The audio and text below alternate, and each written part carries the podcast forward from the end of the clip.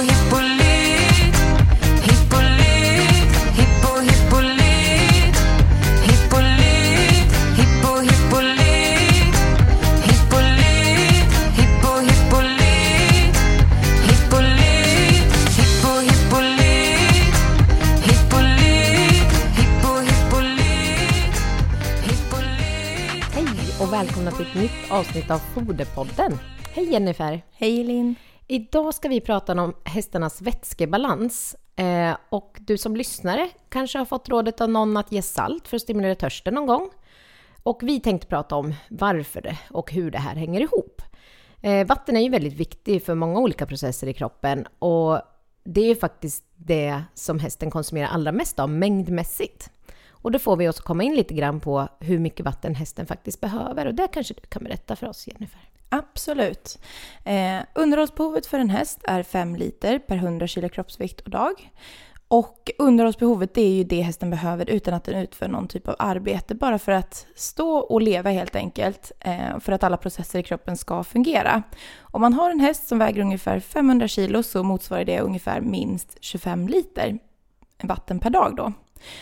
Om hästen istället arbetar hårt eller, eller ja, men, rör sig mycket så kan den öka sitt behov till det dubbla, nästan ännu mer. Man brukar prata om 10-15 liter per dag och och 100 kilo kroppsvikt då.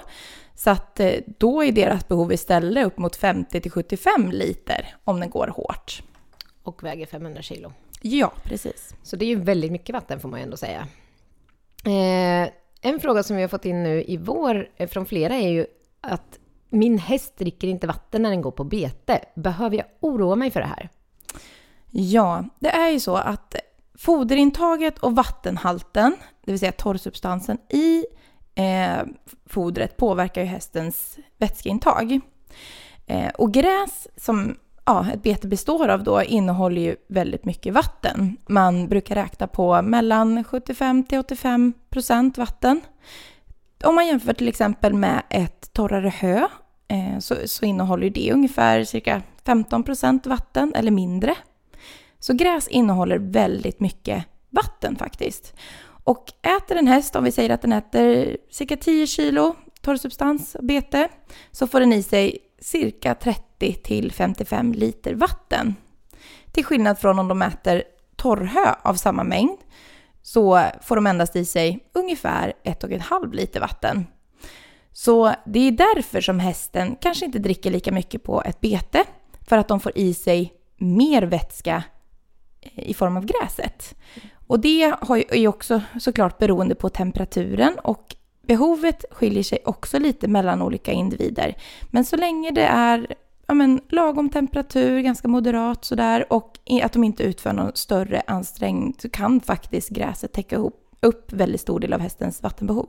Mm. Och det blir väldigt tydligt då när man räknar lite på det så kanske man inte då behöver känna sen att man behöver oroa sig. Nej, men det är fortfarande såklart viktigt att de har fri tillgång så att de, om de har ett behov ska de kunna släcka sin törst. Och det är ju vårt allmänna råd i huvudsak, det är ju att man alltid har fri tillgång på vatten oavsett årstid. Och att det är bra kvalitet, för det är också en sak på betet att man, att man är noga med att hålla karen ren och allt det här. Mm. Eh, sen finns det någonting som heter metaboliskt vatten och det tänker jag att vi kanske behöver reda ut vad det är för någonting. Ja, det är ju så att fodret den bidrar ju inte i vätska i form av bara sitt vatteninnehåll. Utan när hästen bryter ner näringsämnena som finns i fodret så bildas det koldioxid men också vatten. Så att vatten är ju egentligen en restprodukt kan man säga, eller så. Det, det är det som bildas helt enkelt i nedbrytningen. Och per kilo konsumerat foder så kan man räkna att det produceras ungefär cirka 350 till 400 gram metaboliskt vatten i Så kroppen. det är faktiskt ganska mycket eh, det också som tillför vatten till hästen. Eh, men sen så sker det ju en del vätskeförluster också hos hästen. Och eh, vilka vä- vätskeförluster pratar vi om då först och främst? Ja, det är ju... Vätska förlorar hästen via, via avföring, urinen. Eh, men det sker också via avdunstning via huden, som kallas för evaporation. Och eh, andningsvägarna försvinner också en del vätska genom. Och hästar som tränar så sker ju vätskeförlusten via svetten. Och eh, en häst som väger cirka 500 kilo så sker det en förlust på cirka 10-15 liter per timme om den tränas hårt. Eh, och då kan man se också att det är ungefär 80 procent som avdunstningen sker då via svetten och ungefär 20 procent genom andningen. Så att det är ganska mycket då via andningen som de Mm. förlorar vätska genom. Det är ju väldigt intressant. Ja, det är mycket som man inte tänker på Nej. faktiskt. Mm. Som finns där. Eh, skiljer sig hästarnas svett någonting från oss människor då? Det gör det. Eh, hästens svett och blod innehåller mer elektrolyter, det vill säga natrium, kalium och klor, än vad människans gör faktiskt.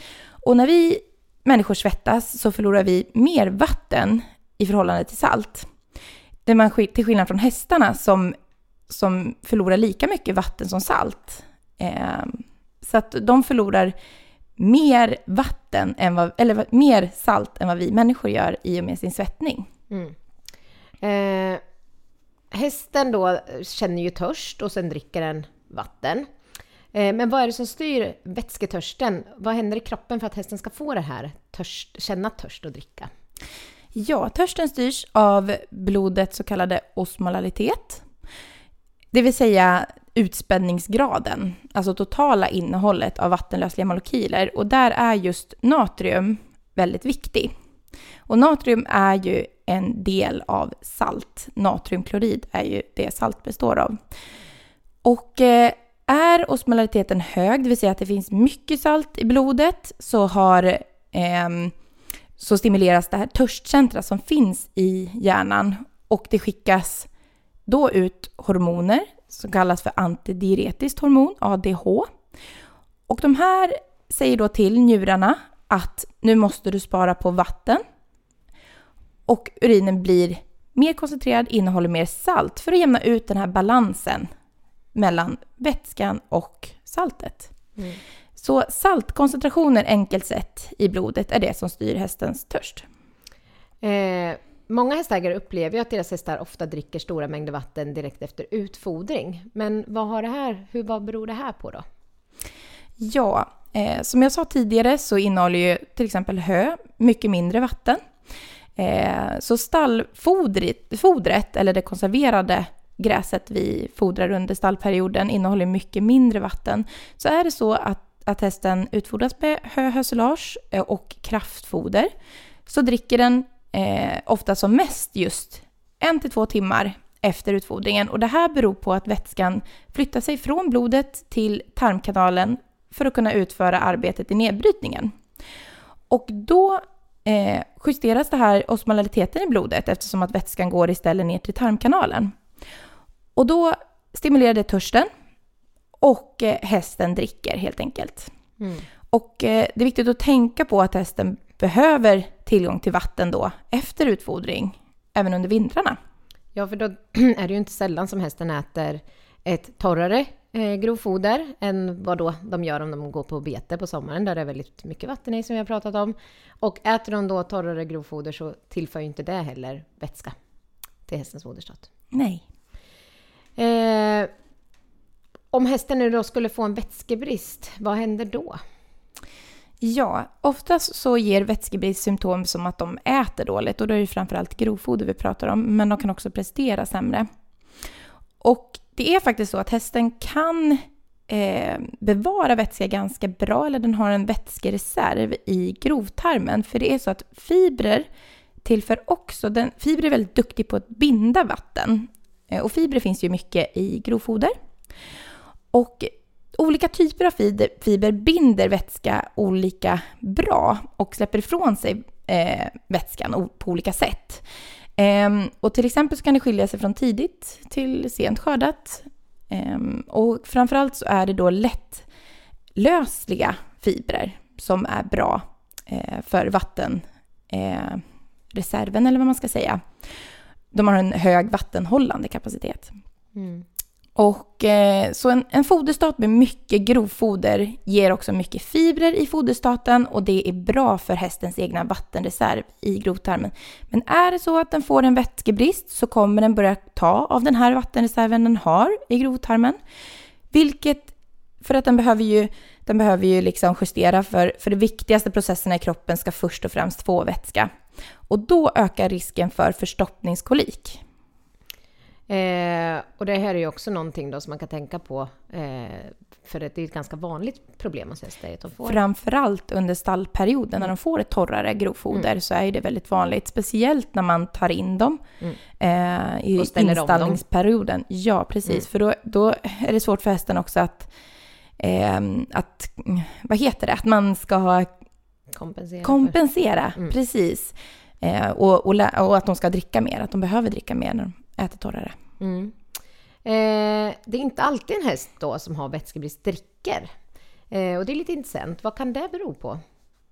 Nej, även om hästen har vätskebrist så är, den inte, är det inte alltid att den dricker. Och det beror ju på att det är saltet som stimulerar törsten.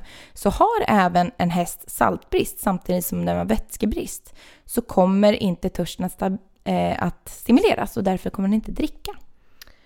Så Eh, då måste man ju återställa den här balansen eh, genom att både ge den vätska och salt. Och vad händer mer om hästen får saltbrist? Förutom att den kanske dricker dåligt då? Ja, om den istället får saltbrist då så störs ju törst, törstregleringen, precis som jag nämnde. Och eh, den får framförallt ökad aptit för salt och eh, det sker en frisättning av ett hormon som heter aldosteron. Och det här hormonet stimulerar absorptionen av eh, natrium, alltså upptaget av natriumet i tarmkanalen. Och det, gör, eh, det påverkar en annan mineral som heter kalium. Det här, vi pratar mycket om mineraler i mineral, hur de påverkar varandra i mineralavsnittet. Ehm, så det påverkar kalium som också är en annan elektrolyt. Men också prestationen blir ju nedsatt. Eh, och det här får jag oss lite att då komma in på vad hästen egentligen har för saltbehov. Vad är det för rekommendationer som finns där kring salt? Ja, hästens underbehov, underhållsbehov av salt är 5,1 gram per 100 kilo kroppsvikt. Eh, är den i en hobbyhäst som, som rids eh, regelbundet så är behovet lite högre, ungefär på 7 gram per 100 kilo kroppsvikt. Men det här som sagt är individuellt, beror också på vad det är för omgivningstemperatur, hur varmt det är ute, hur mycket hästen svettas. Eh, och ökar träningsintensiteten så ökar ju också behovet av salt. Men vi bruk, man brukar hamna runt 20-25 eh, gram per dag så täcker man hästens näringsbehov av salt. Eh, tillför man det här då med en saltsten, är det tillräckligt för att täcka hästens behov av salt generellt sett? Ibland så gör det det. Jag brukar rekommendera för att veta att hästen får i sig tillräckligt så kan man väga sin saltsten. Att man väger den innan man sätter den i hagen eller i, i boxen och sen så väger man den efter några dagar och så ser man om den har konsumerat upp det den behöver under den här tiden.